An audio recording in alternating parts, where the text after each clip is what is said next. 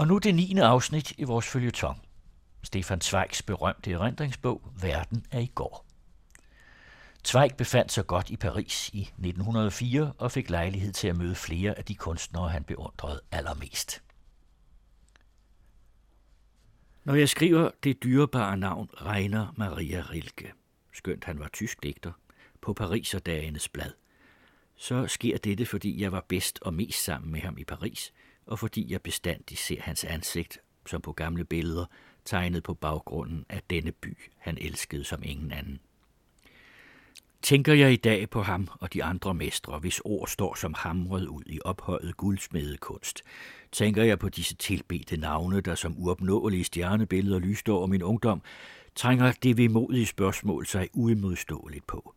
Vil den slags rene digtere, digtere, der udelukkende levede for det lyriske skaberværk, nogensinde igen blive mulige i vor tid, de vilde, ødelæggende stormes og den almindelige forrygthedstid? Er det ikke en uddød et, hvis død min kærlighed begræder? En slægt uden nye led i vore af alle skæbnens orkaner hervede dage, disse digtere, som intet begærede af det ydre liv, hverken de brede masser bifald eller ordner eller hedersbevisninger eller vinding, som ikke stræbte efter noget som helst andet end i en stilfærdig og dog lidenskabelig indsats på fuldendt vis at kunne kæde strofe til strofe, hvor hver linje var gennemstrømmet af musik, glødende af billeder, strålende af farver. De dannede et lav, næsten en munkeorden, midt i vor larmende hverdag. Bevidst vendte de sig bort fra hverdagen. Intet i hele verdensaltet var dem vigtigere end den spæde og dog altidens buller overlevende musik, der fødtes, når et rim, der føjedes til et andet, kaldte den ubeskrivelige sindet skælven frem, der skønt satere end lyden af høstens faldende blad, dog i lette svingninger strejfede de fjerneste sjæle. Hvor byggeligt i bedste forstand var ikke for os unge tilstedeværelsen af disse kunstnere, der altid var tro mod sig selv. Hvor forbilledeligt var ikke disse sprogets strenge tjenere og vogtere, som ene og alene skænkede det lutrede ord deres kærlighed. Det ord, som ikke galt tid og tidener, men det tidløse og veje. Det var næsten beskæmmende at betragte dem, for hvor stille levede de ikke, uanseligt, næsten usynligt. Den ene som en bonde på sin lille jord, den anden i en jævn bestilling, den tredje vandrende over jorden som en passionate pilgrim, alle kun kendt af få, men så meget mere inderligt elsket af disse få. En boede i Tyskland, en anden i Frankrig, en tredje i Italien, men alle havde de samme hjemstavn, for de levede alle udelukkende i digtet. Og i det de i streng given afkald skyede alt døgnværker, udelukkende formede kunstværker, formede de deres eget liv til et kunstværk. Atter og atter griber jeg mig selv i at finde det vidunderligt, at vi i vores ungdom havde sådanne pletfri digtere mellem os. Men just derfor må jeg også atter og atter spørge mig selv i hemmelig bekymring, er der nogen mulighed for, at sådan sjæle, der helt og aldeles har forskrevet sig til den lyriske kunst, kan opstå i vores tider og i vores nye livsformer, der som en skovbrand jager menneskene som dyr op fra deres mest skjulte gemmesteder, og som på morderiske vis driver den bort fra enhver indre samling. Jeg ved det vel. I alle tidsrum sker det store under, at en digter fødes. Og Goethes rørende trøsteord i hans nani over Lord Byron altid vil forblive sandhed. Den die Erde zeugt sie wieder, wie sie sie von je gezeugt. Atter og atter vil sådan digter fremstå i benådet genkomst. Til igen og igen skænker udødeligheden med mellemrum selv den mest uværdige tid dette kostbare pant. Men er ikke netop vor tid en tid, som nægter selv den edeleste og mest stille i landet, den stillhed til at vente og modnes, til at fordybe og koncentrere sig, som dog blev hine for ondt, der levede i den europæiske førkrigstids mildere og roligere periode. Jeg ved ikke, hvor meget alle disse digtere, Valéry, Verhaeren, Rilke, Pascoli og Francis Jam betyder nu om dagen. Jeg ved ikke, hvor meget de har sin generation, som i stedet for denne fine musik år igennem har fået ørerne drønet fulde af propagandaens klaprende møllehjul og to gange af kanonernes torden. Jeg ved kun, at jeg føler mig forpligtet til at aflægge taknemmeligt vidnesbyr om, hvor meget vi har lært af og hvor lykkelige vi har været over, at vi fik lov til at opleve tilstedeværelsen af disse det fuldendte styrker midt i en verden, der allerede var i færd med at mekaniseres. Og ser jeg nu tilbage på mit liv, kan jeg næppe se, at jeg har haft noget vigtigere eje end det, at jeg fik lov til at komme mange en af dem menneskeligt nær, og at det flere gange forundtes mig, at et varigt venskab knyttede sig til min første unge beundring. Alle disse digtere har måske ingen levet mere usynligt, stilfærdigt og dult end Rilke. Men det var ingen vildet, forseret eller prælatdraperet isolerethed, som den Stefan George celebrerede i Tyskland. Stilheden så at sige voksede omkring ham, hvor han så gik og stod. Fordi han ved af vejen for enhver støj og endnu for sin egen berømmelse, denne summen af alle de misforståelser, der samler som et navn, som han så smukt udtrykte engang, rørte nysgerrighedens forfængeligt fremstormende bølge kun hans navn, aldrig hans person. Det var vanskeligt at nå frem til Rilke. Han havde intet hjem, ingen adresse, intet hus, ingen fast bolig, intet embede. Altid var han undervejs gennem verden, og ingen end ikke han selv vidste på forhånd, hvor han ville drage hen. For hans uendeligt sensible og for et hvert tryk følsomme sind var allerede det at skulle træffe en fast beslutning, planlægge noget og annoncere det en anstrengelse. Følgeligt var det faktisk altid tilfælde, om og når man traf ham. Man stod for eksempel i Italien i et kunstgalleri og mærkede vagt et venligt smil rettet mod sig et eller andet sted fra, hvor, vidste man ikke, så først opdagede man hans blå øjne, som når de så på en med deres indre lys besjælede hans i sig selv egentlig ret almindelige træk. Men netop dette upåfaldende var hans væsens dybeste hemmelighed. Utvivlsomt er tusinder gået forbi denne unge mand med det let melankolsk nedhængende blonde overskæg, og de på intet sted særlig interessante, lidt slaviske ansigtstræk, uden at ane, at han var digter. Og det er en af de største digtere i vores århundrede. Først ved nærmere bekendtskab blev man klar over det for ham særlige, hans væsens usædvanlige tilbageholdenhed. Rilke havde en ubeskrivelig sagte måde at komme og tale på.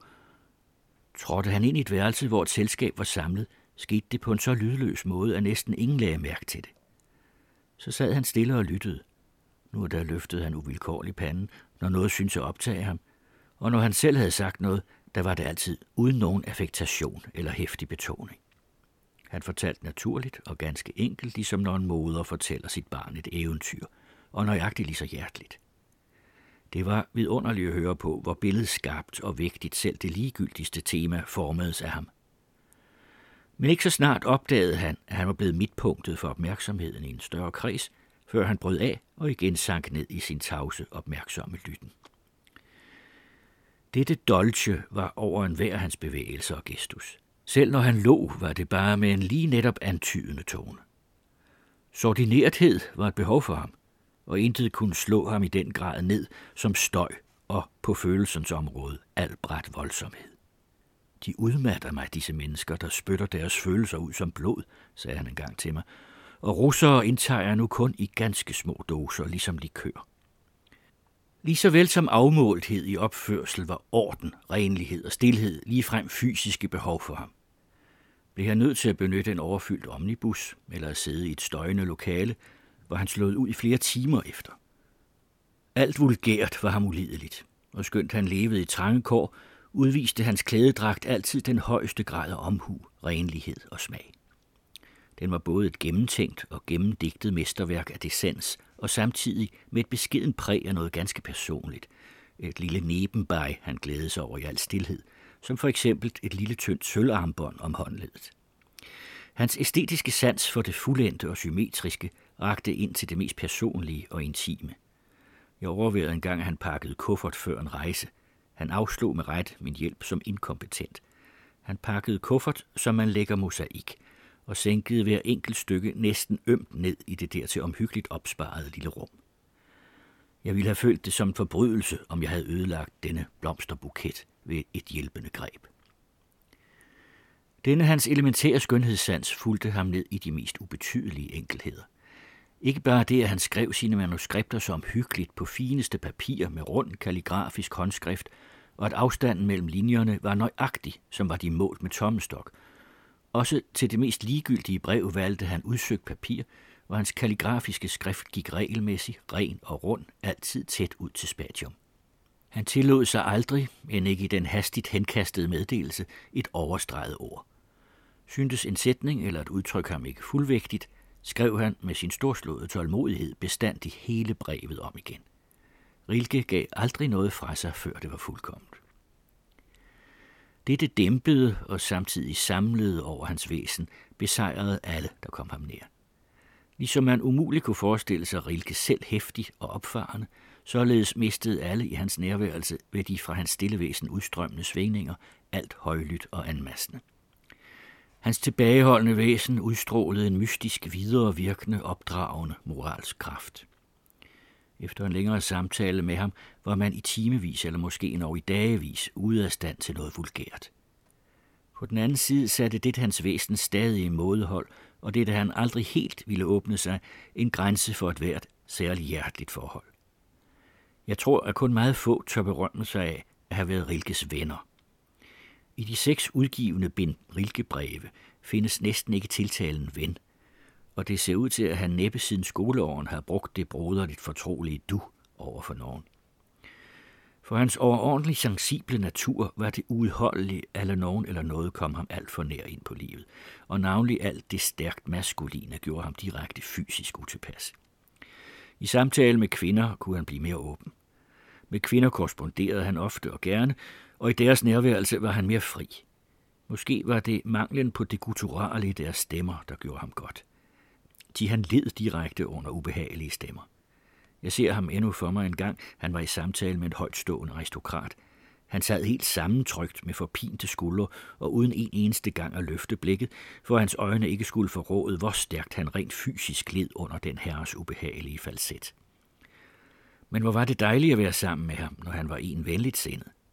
Så fornam man hans hjertens godhed, end skønt den forblev kav på ord og gestus, som en varmende og lægende udstråling ind i ens inderste sjæl. I Paris, denne by, der altid får et hjerte til at svulme, virkede den sky og tilbageholdende Rilke mest åben, måske også på grund af, at man endnu ikke kendte hans navn og hans værker. Han følte sig altid mest fri og lykkelig, når han kunne få lov til at være anonym. Jeg besøgte ham i to forskellige værelser, han havde lejet. Begge værelser var tavlige og uden nogen pynt, men begge havde fået stil og stilhed ved hans styrende skønhedssans. Det faldt ham aldrig ind at bo i en stor lejekaserne med larmende naboer i. Han foretrak et gammelt hus, selvom det var mindre bekvemt indrettet, hvor han kunne indrette sig hjemligt. Og hvor han end var, forstod han altid ved ordnende kraft at forme og indrette værelsets indre, så det fik personlig præg. Han havde altid kun ganske få genstande omkring sig. Men der var altid blomster, der lyste fra en skål eller vase, enten han nu havde fået dem foræret af en kvinde, eller han selv kærligt havde båret dem hjem fra byen og altid lyste der bøger langs væggene i smukke bind eller omhyggeligt forsynet med papirbind. Han elskede bøger som tavse dyr. På hans skrivebord lå blyanterne og pennene i snorlige række, og de ubeskrevne papirark i nøjagtig kvadrat. Et russisk ikon og et katolsk krucifix, som, så vidt jeg ved, ledsagede ham på alle hans rejser, gav hans arbejdsrum et let religiøst anstrøg. Men hans religion var ikke bundet til noget bestemt dogme. Han mærkede, at hver eneste enkelhed var udvalgt med omhu og hæget om med ømhed. Lånte man ham en bog, som han ikke kendte, var den pakket ind i glat og ukrøllet silkepapir, og som en festgave omvundet med kulørt bånd, når man fik den tilbage. Jeg husker tydeligt, da han kom ind i mit værelse med en kostbar gave til mig. Det var manuskriptet til Weise von Liebe und Tod. Jeg opbevarer endnu båndet, der var om. Men det smukkeste af det alt sammen var at gå tur med Rilke i Paris. Det betød, at man så det betydningsfulde i selv det mest uanselige, og man så det ligesom med klart skuende øjne. Rilke lagde mærke til selv de mindste småting. Selv navnene på firmaskilte udtalte han højt hen for sig, når han syntes, de lød rytmisk. Det var blevet til en helt lidenskab for ham at kende denne ene by, Paris, ind til den sidste kroge og dybder. Jeg tror, det er den eneste fikse idé, jeg har opdaget hos ham. Da vi engang mødtes hos nogle fælles bekendte, fortalte jeg ham, at jeg dagen forud tilfældigvis havde været ved den gamle barriere, hvor de sidste ofre for guillotinen, deriblandt André Genier, var blevet begravet ved Cimetière de Picpus. Jeg beskrev denne lille rørende eng med den spredte grave, som den fremmede sjældent ser, og hvordan jeg på hjemvejen i en af gaderne havde kigget gennem en åben dør ind i et kloster med en slags beginer, som stille, tavse og med rosenkrans i hånden var gået rundt i kreds som hensunket i fromme drømme. Det var en af de få gange, jeg så denne stille og beherskede mand blive næsten utålmodig. Han erklærede, at han måtte se det. Han måtte se klostret og André Chiniers grav. Om jeg ville føre ham derhen. Vi gik straks næste dag. Han blev stående som i stille henrykkelse foran denne ensomme kirkegård og kaldte den den mest lyriske i Paris. Men på vores tilbagevej viste sig, at klostrets dør den dag var lukket. Jeg fik så lejlighed til at se den stille tålmodighed, som han mestrede såvel i sit liv som i sin digtning, stå sin prøve. Lad os håbe på tilfældet, sagde han, og stillede sig med let bøjet hoved sådan, at han kunne se gennem porten, hvis den åbnedes. Vi ventede vel en 20 minutter. Så kom en ordenssøster gennem gaden, stansede og ringede på. Nu, viskede han spændt. Men søsteren havde lagt mærke til hans stille lytten. Jeg sagde jo før, at man på afstand følte alt ved ham atmosfærisk. Og hun kom hen til ham og spurgte, om han ventede på nogen. Han smilede til hende med dette bløde smil, som øjeblikkeligt fremkaldte tillid, og så sagde han ganske oprigtigt, at han så gerne ville se klostergangen. Det gjorde hende ondt, sagde søsteren smilende. Det var hende ikke tilladt at lukke ham ind. Men hun ville give ham det råd at gå hen til gardnerens lille hus ved siden af. Fra vinduet på første sal derinde var der god udsigt. Således blev der også dette, som så meget andet, skænket ham. Senere hen i livet krydsedes vores veje ofte, men når jeg i erindringen ser Rilke for mig, er det altid i Paris, ved sørgeligste stund han heldigvis blev sparet for at opleve. Det var en stor lykke for mig, kunstnerbegynder, at møde mennesker af denne sjældne art. Men den afgørende lærer ventede mig endnu. En lærer, der skulle få betydning for hele mit liv. Det var tilfældets gave. Hos forhæren var vi gerådet i diskussion med en kunsthistoriker, der hævdede, at den store plastiks og det store maleris tid desværre var forbi. Jeg protesterede ivrigt. Levede måske ikke Rodin endnu blandt os, og var han som formkunstner måske ringere end fortidens store. Jeg begyndte at opremse hans værker, og som altid, når man kæmper mod en anden opfattelse, bliver jeg næsten vred af bare iver. For herren smilede ganske stille hen for sig en stund, så sagde han, når man elsker Rodin så højt, så burde man egentlig lære ham at kende. Jeg skal hen i hans atelier i morgen. Hvis du har lyst, så kan jeg tage dig med. Om jeg havde lyst. Jeg kunne ikke sove for glæde. Men hos Rodin blev jeg stum. Jeg formåede end ikke at henvende ordet til ham, og jeg stod der mellem statuerne, som om jeg selv kunne være en statue. Underligt nok synes denne min forlegenhed at behage ham. For da jeg tog afsked, spurgte den gamle mand mig, om jeg ikke havde lyst til at se hans egentlige atelier i Meudon, og han indbød mig endnu til at spise hos ham. Jeg havde allerede modtaget den første lære, at de virkelig store mænd altid er de mest elskværdige. Lære nummer to var denne. Det er næsten altid dem, der lever mest enkelt. Hos denne mand, hvis ry fløj over hele verden, og hvis værker som intime venner var vor generation præsent linje for linje, spiste man beskedent og tageligt som hos en jævn gårdmand. En god mør steg, et par oliven og saftig frugt, dertil fyldt i landvin. Det gav mig straks mere mod. Til slut talte jeg helt ugenert, som om den gamle mand og hans hustru havde kendt mig i mange år. Efter maden gik vi over i atelieret. Det var en mægtig sal, der væsentligt rummede hans værker i replikker, men indimellem lå der i hundredvis af kostelige små enkeltstudier. En hånd, en arm, en hestemanke, et kvindeøre, for størstedelen kun i gips. Endnu den dag i dag husker jeg ganske plastisk tydeligt flere af disse skitser, som han kun havde lavet for øvelsens skyld. Og jeg kunne fortælle i timevis om denne ene time. Til sidst førte mesteren mig hen til en sokkel, på hvilken hans nyeste arbejde, et kvindeportræt, skjulte sig under et fugtigt dække. Med tunge, gennemfurede bundehænder løftede han lærredet af og trådte lidt tilbage.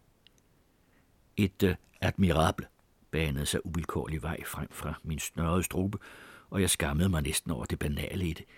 Men med den rolige objektivitet, hvor i der ikke var et græn af forfængelighed, mumlede han tilsluttende, ja, ikke sandt, i det han betragtede sit eget værk.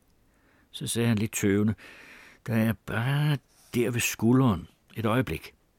Så trak han hjemmejakken af og den hvide kittel på, tog spatlen i hånden og gjorde et mesterligt glattende strøg hen over skulderens bløde, ligesom levende, åndende kvindehud. Igen trådte han lidt tilbage. Og så her, mumlede han. Igen blev virkningen øget gennem en ganske lille detalje. Så talte han ikke mere. Han gik skiftevis frem og tilbage, så figuren af et spejl, knurrede og gav uforståelige lyde fra sig, forandret og korrigeret. I hans øjne, der ved bordet havde været venligt adspredte, blafrede mærkelige lyn. Han så med et højere og yngre ud. Han arbejdede og arbejdede og arbejdede med hele sin vældige, svære kropsstyrke og lidenskab. Hver gang han hæftigt trådte frem eller tilbage, knagede gulvet. Men det hørte han ikke. Lige så lidt bemærkede han, at der bag ham stod en ung mand, der, mens hjertet sad ham i halsen, var lyksalig over at få lov til at betragte en sådan enestående mester ved arbejdet. Nej, han havde fuldkommen glemt mig. Jeg eksisterede ikke for ham. Kun figuren eksisterede for ham. Han så kun sit værk, og bag ved dette i en vision, det absolute, det fuldkommende. Sådan hengik et kvarter eller en halv time, hvad ved jeg. Store øjeblikke er altid tidløse. Rodin var så fordybet og hensunken i sit arbejde, at ingen torden kunne have vækket ham. Hans bevægelser blev mere og mere voldsomme, næsten vrede. Der var kommet en slags vild rus over ham. Han arbejdede hastigere og hastigere. Så kom der ligesom en tøven over hans hænder. Det var, som om de havde indset, at der ikke var mere at gøre for dem. En gang, to gange, tre gange trådte han tilbage, uden at ændre noget mere. Så mumlede han stille noget skægget, og lagde så igen lærredet over figuren, så forsigtigt ømt som når man lægger sjælet om en elsket kvindes skulder. Han åndede dybt og befriet ud. Hans skikkelse syntes at blive tungere. Ilden var slukket. Så kom det for mig ubegribelige, den store lærer. Han trak kitlen af, kom igen i hjemmejakken og vendte sig så om for at gå. I denne, den yderste koncentrationstime, havde han glemt mig totalt. Han anede ikke, at den unge mand, som han selv havde taget med ind i sit atelier for at vise ham sine arbejder, havde stået som i ekstase bag ham med tilbageholdt ånde og urørlig som hans egen statue. Han gik hen til døren og åbnede den. Da han ville lukke den af bag sig, opdagede han mig og stirrede næsten vredt på mig. Hvem var denne fremmede unge mand, der havde snedet sig ind i hans atelier? Dog, i næste nu mindedes han, og kom så næsten skamfuld hen til mig. Pardon, monsieur, begyndte han, men jeg lod ham ikke tale videre. Jeg greb taknemmelig hans hånd. Jeg havde mest trang til at kysse den. I løbet af denne time havde jeg set den evige hemmelighed ved al stor kunst. Jeg egentlig ved enhver jordisk præstation lagt åben for mig. Koncentrationen. Enhver kunstners sammenfatning af alle kræfter og af alle sanser. Hans væren ude af sig selv. Hans væren uden for verden. Jeg havde fået en lærer, der skulle få betydning for hele mit liv. Jeg havde oprindeligt bestemt at rejse fra Paris til London i slutningen af maj. Men jeg blev tvunget til at lægge min afrejse 14 dage tidligere, fordi en indtruffen uventet begivenhed havde gjort mig ked af min ellers så fortryllende bopæl. Det drejede sig om en ret løjerlig episode, der på en gang morede mig og gav mig lærerigt indblik i helt forskellige franske miljøers tænkemåde. I de to pinsehelligdage havde jeg været borte fra Paris for sammen med nogle venner at beundre den hellige katedral i Chartres, som jeg ikke før havde set. Da jeg tirsdag morgen kom tilbage på mit hotelværelse og ville klemme om, kunne jeg ikke finde min kuffert. Den havde stået i et hjørne alle disse måneder. Jeg gik nedenunder til det lille hotels ejer. Han og hans kone plejede dagen igennem at løse hinanden af i den lille portierloge. Han var lille før rødkindet marseilljaner, med hvem jeg tit havde ført munter snak, og som jeg tit havde spillet trik-trak, hans yndlingsspil, med i caféen lige overfor. Han blev straks frygtelig ophidset og skreg forbitret knaldende næven i bordet de mystiske ord. Altså alligevel.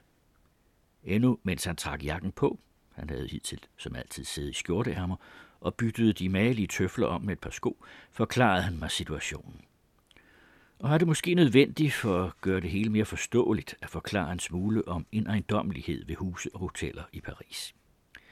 I Paris har de mindre hoteller og de fleste privathuse ikke gadedørsnøgle. Portneren, conciergen, åbner, når der bliver ringet på, automatisk døren inden for portnerlogen. I midlertid bliver ejeren eller portneren i de fleste mindre hoteller og huse ikke siddende hele natten i portnerlogen, men åbner som regel i halvsøvne, døren inde fra sin ægte seng ved et tryk på en knap.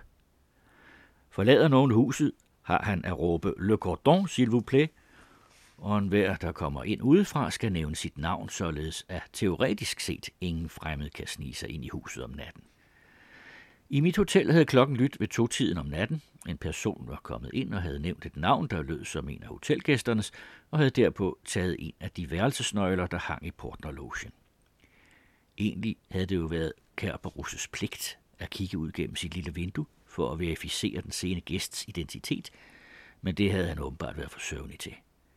Men da så en time senere en person indefra havde råbt Le Cordon, s'il vous plaît, for at forlade huset, havde han dog, efter han havde åbnet døren, følt sig lidt underlig ved, at nogen ville gå ud igen klokken to om natten. Han var altså stået op for at kigge ud på gaden, og havde konstateret, at en mand havde forladt huset med en kuffert i hånden, og i sloprok og tøfler var han fuldt efter den mistænkelige person. Men da han så så manden dreje om hjørnet og begive sig roligt op i et lille hotel i Rue de Petit Champ, havde han naturligvis ikke mere regnet med en tyv. Han havde derfor roligt på ny søgt lejet. Gal i hovedet, som han var over sin fejltagelse, styrtede han øjeblikkeligt med mig til nærmeste lille politistation. Der blev omgående foretaget en undersøgelse i hotellet i Rue de Petit og konstateret, at min kuffert stadig befandt sig der. Derimod ikke tyven. Han var åbenbart gået ud for at indtage sin morgenkaffe på en eller anden kaffebar i nabolaget. To detektiver lurede nu på skurken i portnerlogen i hotellet i Rue de Petit og da han en halv time senere intet anende vendte hjem, blev han øjeblikkeligt hapset. Nu måtte verden og jeg begge afsted på stationen for at være til stede ved handlingen. Vi blev ført ind til præfekten, en smelfed, gemytlig, storskægget herre, der sad med opknappet frakke ved et yderst rådet skrivebord, der flød med dokumenter. Det hele kontor stank af tobak, og en stor flaske vin på bordet røbede, at præfekten lunde hørte til den hellige Santa Amandas grusomme og livsfjendtlige tjenere. Som indledning blev kufferten på hans befaling bragt ind, for at jeg kunne konstatere, om der manglede noget væsentligt i den. Den eneste værdigenstand, jeg havde haft i kufferten, var et kreditbrev på 2.000 frank. Efter mit fem måneders Parisophold var det i forvejen temmelig afgnavet. Desuden var det naturligvis ubrugeligt for enhver anden end mig. Og det lå faktisk også urørt på kuffertens bund. Efter der var blevet optaget en protokol, hvoraf fremgik, at jeg vedkendte mig kufferten som min ejendom, samt at intet var fjernet fra den, gav præfekten ordre til, at tyven skulle føres ind. Jeg imødeså hans tilsynekomst med ikke liden nysgerrighed. Han skuffede ikke forventningerne. Placeret mellem to vældige betjente, og på baggrund af disse virkende endnu mere grotesk i sin redmagerhed, indtræn en ussel djævel, temmelig derangeret, flibløs, med et lille slapt overskæg og et trist, tydeligt nok forsultent museansigt. Det var, om jeg så til at sige, en dårlig tyv. Det havde jo også vist sig ved hans klodsede teknik, at han ikke straks tidlig om morgenen var stukket af med kufferten. Han stod der foran den vældige præfekt med nedslagende øjne og med små gysninger, som om han frøs. Og til min egen skam og skændsel vil jeg det sagt, at det ikke bare gjorde mig ondt for ham.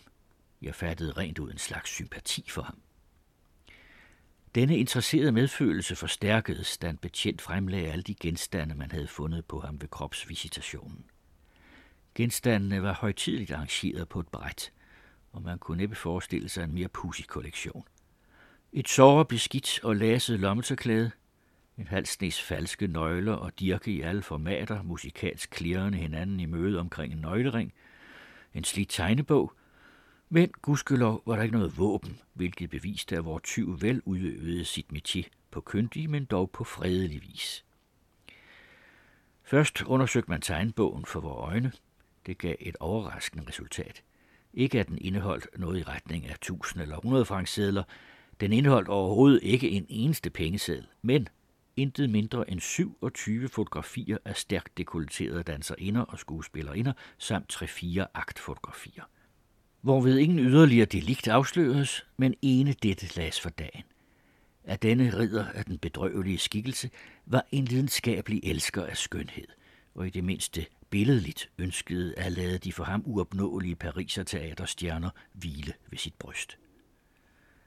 I hvor vel præfekten ikke undlod at betragte disse akt- og nøgenfotografier blad for blad med forstilt strenge blikke, kunne jeg ikke undgå at bemærke, at dette løjerlige samlerligpaveri hos en delinkvent af slig stand morede ham lige så meget som mig selv. Til denne arme sønders forkærlighed for det æstetisk skønne havde også øget min sympati for ham betydeligt. Og da præfekten i det her nu højtidligt tog pen i hånd, rettede det spørgsmål til mig, om jeg ønskede de porter plainte, altså at rejse klage mod forbryderen, svarede jeg ganske selvfølgelig et hurtigt nej. Mens i tilfælde af en forbrydelse, anklagen hos os og i mange andre lande følger ex officio, det vil sige at staten enmægtigt tager justitsen i sin hånd, er det i Frankrig overladt til den skadelidte selv, om han vil rejse anklage eller ej. Personligt mener jeg, at den slags retsopfattelse er mere retfærdig end den såkaldt ubøjelige retfærdighed. Til den skænker mulighed for at tilgive et andet menneske det slemme, han har tilføjet en. Mens det for eksempel i Tyskland og andre steder er sådan, når en kvinde i et anfald af skinsyge sårer sin elskede med en revolver, at den ramte så ikke trods alle sine forbønder er i stand til at beskytte hende mod domfældelse. Staten griber ind, og skønt manden, der er blevet overfaldet, måske kun elsker kvinden endnu mere end før på grund af hendes store lidenskab, der et øjeblik gjorde hende utilregnelig, river den hende med magt bort fra mandens side og kaster hende i fængsel – mens i Frankrig de to efter at have tilgivet hinanden arm i arm vender hjem og kan betragte den sag som uddebatteret.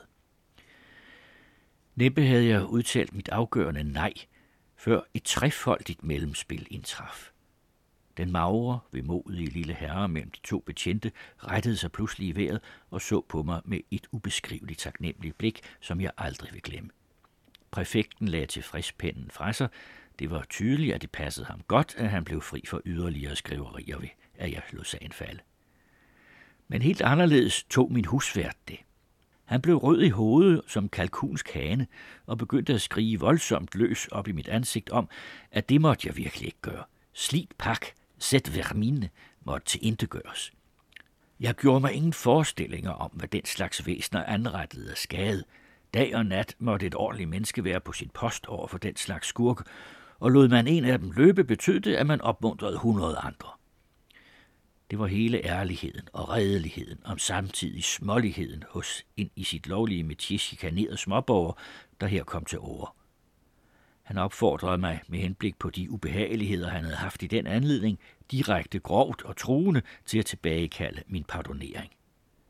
Men jeg stod fast på mit. Jeg sagde fast og bestemt, at nu, da jeg havde fået min kuffert igen, og ellers ingen skade lidt, var sagen slut for mig. Jeg havde aldrig før i mit liv rejst klage mod nogen, og jeg ville med langt større behag spise min lækre bifstek til middag i dag, når jeg havde bevidstheden om, at en anden ikke samtidig behøvede at gnave fangekost for min skyld. Min vært riposterede endnu mere galhovedet, og da præfekten erklærede, at det ikke var ham, men mig, der her havde det afgørende ord, og at sagen efter mit afkald var afgjort, drejede han sig pludselig bræt om, forlod rasende lokalet og knaldede døren i efter sig. Præfekten rejste sig, kastede et smil efter den forarvede herre og rakte mig stille indforstået sin hånd. Dermed var embedshandlingen slut, og jeg tog allerede efter min kuffert for at bære den hjem. Men i det samme skete der noget mærkeligt. Tyven nærmede sig ydmygt og hastigt. Oh non, monsieur, sagde han, må jeg få lov at bære den hjem for dem. Det fik han, og således marcherede jeg, mens den taknemmelige tyv bar kufferten efter mig, igen de fire gader tilbage til mit hotel. Det så ud som om en affære, der var begyndt kedeligt, på denne måde havde fået en glad og lystig ende. Men den blev skyld i to hastigt på hinanden følgende efterspil, som jeg har at takke for lærerige bidrag til mit kendskab til fransk psyke. Da jeg næste dag besøgte forhæren, hilste han mig med et maliciøst smil. Du oplever jo enartede eventyr her i Paris, hører jeg, sagde han spøgende. Navnlig anede jeg ikke, du var så smadrig. Jeg forstod først ikke, hvad han mente. Han rakte mig avisen, og se, der stod en mægtig beretning om gårdsdagens begivenhed, med en unægtelig slidt udstyr, at jeg knap kunne genkende den faktiske tildragelse bag denne romantiske digtning, der var givet med en eminent journalistisk kunst. I et hotel i den indre by var der mod en fornem udlænding, jeg var gjort fornem for at virke interessantere, blevet begået et tyveri af en kuffert, som indeholdt en række kostbare værdigenstande, blandt andet et kreditbrev på 20.000 frank, de 2.000 var tidoblet i nattens løb, samt andre uerstattelige sager. De bestod faktisk i nogle skjorter og slips. I første øjeblik syntes det umuligt at finde noget spor, da tyven havde forøvet udået med uhyre raffinement og tydeligt nok under nøjeste kendskab til lokaliteterne. Men præfekten i arrondissementet, her den og den, havde øjeblikkeligt med sin kendte energi og sin grande perspikacitet truffet alle forholdsregler.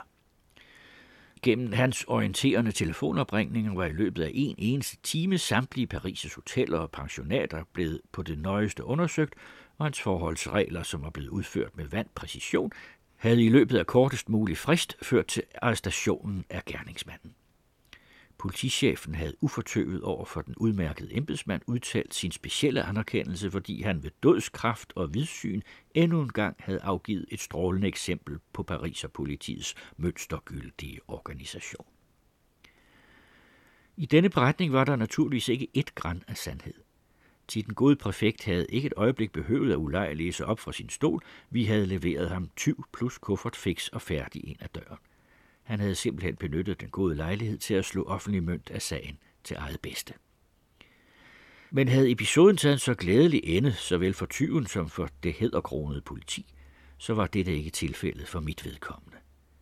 De fra nu af gjorde min før så joviale husvært alt for at forbedre et fortsat ophold i hotellet for mig. Kom jeg ned ad trappen og hilste høfligt på hans kone i portnerlogen, hilste hun ikke igen, men vendte fornærmet det brave borgerinde hovedet bort – Tjeneren gjorde ikke mere grundigt i orden på mit værelse. Breve forsvandt på gådefuld vis. Selv i butikkerne i nabolaget og i Bureau de Tabak, hvor jeg ellers plejede at blive helt som ægte copain på grund af mit rigelige forbrug af røgvarer, mødtes jeg på en gang af iskolde ansigter. Ikke blot husets, men også hele gadens, ja hele arrondissementets krænkede småborgerlige moral vendte sluttet front imod mig, fordi jeg havde hjulpet tyven. Til sidst så jeg ingen anden udvej end at drage af med den redede kuffert og at forlade det hyggelige hotel lige så forsmedeligt, som om jeg selv havde været forbryderen. Efter Paris virkede London på mig, som når man på en sommervarm dag pludselig træder ind i skyggen. I første øjeblik får man uvilkårlige kuldegysninger, men inden længe er øje og sanser tilvendet. Jeg havde i forvejen ligesom forsat mig to-tre måneder England som en pligt – til hvordan begribe vor verden og vurdere dens kræfter, uden at kende det land, som i århundreder havde lavet denne verden rulle på sine skinner. Jeg håbede desuden på at få slebet mit tilrustede engelsk blankt gennem flittig konversation og livlig selskabelighed. Mit engelsk blev forresten aldrig rigtig flydende. Det gik desværre ikke sådan. Som de fleste af os kontinentbeboere havde jeg kun liden litterær kontakt med den anden side af kanalen – og vi vort lille pensionats breakfast passiarer og small talks om hof og vedeløb og parties, følte jeg mig uhyggeligt utilstrækkelig. Når de diskuterede politik, kunne jeg ikke følge med, fordi de talte om Joe, uden at jeg vidste, der mentes Chamberlain. Også de andre sirs nævnede de kun ved fornavn, og over for kuskenes cockney-engelsk var mit øre længe som døvet ved voks. Jeg gjorde altså ikke så hastige fremskridt, som jeg havde håbet. Af præsterne i kirkerne søgte jeg at lære en smule god diktion. To-tre gange listede jeg mig hen for at høre retshandlinger, og jeg gik i teatrene for at høre godt engelsk der, men bestandig måtte jeg med møje opsøge det, som i Paris overstrømmende kom ind i møde. Selskabelighed, munterhed, kammeratskab. Jeg fandt ikke nogen, jeg kunne diskutere de ting med, som for mig var de vigtigste – på den anden side forekom jeg vel de mere godsindede blandt englænderne at være en temmelig uddannet og tør knak på grund af min grænseløse ligegyldighed over for sport, spil og politik og deres andre hobbyer. Intet steds lykkedes det mig at komme i nærmere kontakt med en kreds eller et miljø. Jeg tilbragte faktisk ni tiende del af min tid i London med at arbejde hjemme eller med besøg i British Museum. I førstningen forsøgte jeg mig ærligt og redeligt med at gå ture – i løbet af otte dage havde jeg gennemtrålet London, indtil sålerne brændte under mine fødder. Men en hele pligtfølelse afhaspede jeg alle Bædekørs seværdigheder, lige fra Madame Tussaud til parlamentet. Jeg lærte mig at drikke el og at erstatte Pariser-cigaretten med den engelske pibe. Jeg anstrengte mig overhovedet i hundrede små ting for at tilpasse mig. Men hverken selskabeligt eller litterært kom jeg i nogen rigtig kontakt – og ser man kun England udefra, går man forbi det væsentlige. På samme vis som man går forbi millionærernes companies i City, som man udefra ikke opdager andet af end det velpussede stereotype messingskilt. Da jeg var blevet indført i en klub, vidste jeg ikke, hvad jeg skulle foretage mig der. Alene synet af de dybe Chesterfields, såvel som hele den åndelige atmosfære, drog mig ned i en slags åndelig søvnighed, fordi jeg ikke sådan som de andre gennem forudgående sport eller koncentreret virksomhed havde gjort mig fortjent til denne vise form for afslappelse. Sagen var nu engang den, at denne by energisk udskilte som fremmed lame, den blot i agtagende ledegænger, så fremt han da ikke forstod at løfte sit otium op til en høj selskabelig kunst ved hjælp af millionrigdom mens Paris lystigt lod ham trille med i sin luneglade hurlumhej. For sent erkendte jeg min fejl. Jeg burde have tilbragt disse to måneder i London under en eller anden form for beskæftigelse, for eksempel som sekretær på en redaktion eller som volontør i en forretning. Så var jeg i det mindste trængt en fingerbredde ind i det engelske liv. Jeg forblev ren og skær jagttager udefra, og oplevede derfor ikke meget. Og først mange år senere, under krigen, fik jeg en anelse om det virkelige England. Af Englands digtere traf jeg kun Arthur Simons. Han skaffede mig så igen en indbydelse til W.B. Yeats, hvis digte jeg elskede højt, og af hvis fine versdrama The Shadowy Waters, jeg af ren og skær fornøjelse havde oversat en del. Jeg vidste ikke, det drejede sig om en oplæsningsaften. En lille kreds af udvalgte var indbudt. Vi sad temmelig sammenpresset i det ikke alt for rummelige værelse. Nogle måtte nok anbringes på skamler på gulvet. Yates antændte to armtykke kæmpestore alterkærter ved siden af en sort eller sort betrukken pult og begyndte. Alle andre lys i rummet blev slukket. Nu trådte det energiske hoved med de sorte lokker frem fra kærteskæret. Yates læste langsomt med melodisk dunkel stemme, uden nogensinde at henfalde til deklamation. Hver eneste linje fik sin fulde metalliske vægt. Det var smukt. Det var virkelig højtideligt. Det eneste, der generede mig, var det præciøse i arrangementet. Det sorte, kuttelignende gevand, som gav Yates et noget præstligt præg, og osen fra de tykke vokskærter, som jeg synes udåndede en let krydret duft. Derigennem blev det litterær nydelse, hvad på den anden side havde en vis nyhedens tillokkelse for mig, snarere en digtkultus end en spontan oplæsning. Til sammenligning måtte jeg uvilkårligt mindes, hvordan Verhæren læste sine digte op uden nogen pomp og iscenesættelse, i skjorteærmer for bedre at kunne skandere rytmen med sine kraftige arme, eller hvordan Rilke en passant fremsagde nogle linjer af en bog, jævnt og klart som en ydmyg ordets tjener. Dette var den første iscenesatte digteoplæsning, jeg nogensinde havde overvejet, og selvom jeg trods al kærlighed til hans digtning forholdt mig lidt reserveret over for denne kulthandling, havde Jets alligevel en taknemmelig gæst dengang. Men den egentlige digteropdagelse, London skænkede mig, var ikke opdagelsen af en levende, men af en dengang temmelig glemt kunstner, nemlig William Blake. Dette ensomme og problemfyldte geni, som i sin blanding af ubehjælpsomhed og sublim fuldkommenhed fortryller mig den dag i dag. En ven havde givet mig det råd, at når jeg kom på British Museum, skulle jeg gå ind i The Print Room Museets inspektør var dengang Lawrence Binion, og der skulle jeg bede om at få lov til at se de farveillustrerede bøger Europa, Amerika og Jobs bog, værker som nu er antikvarariteter. og jeg blev som fortryllet.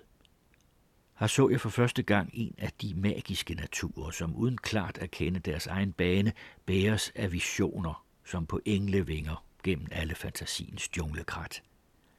Jeg brugte dage og uger til at trænge ind i denne på en gang naive og dæmoniske sjæls labyrint, og gengive nogle af hans digte på tysk.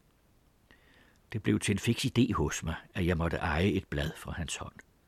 I første omgang syntes dette dog kun muligt at drømme. Men så en dag fortalte min ven Archibald G.B. Russell, der tidens bedste Blake kender mig, at der på den udstilling, som han netop arrangerede, var et af de visionary portraits til salg, nemlig King John – efter hans og min mening, mesterens smukkeste blyantstegning. Jeg lover dem, de bliver aldrig træt af den, sagde han. Og han fik ret. Af alle mine bøger og billeder har dette blad alene fulgt mig gennem mere end 30 år. Og hvor ofte har denne afsindige konges magisk opklarede blik ikke set ned på mig fra sin væg. Af alt, hvad jeg har ejet i mit liv, og som nu er tabt eller i det fjerne, er det denne tegning, jeg savner mest på min vandring. Englands genius, den jeg forgæves havde anstrengt mig for at lære at kende på gader og i byer, pludselig åbenbaredes den for mig i Blakes i sandhed astrale skikkelse. Og jeg havde fundet en ny kærlighed at føje til min verdenskærlighed. Det var Carsten Farov, der læste fra Stefan Zweigs Verden af i går, der er oversat til dansk af Helge Kærgaard. Næste kapitel af erindringerne bærer titlen af omveje på vej til mig selv.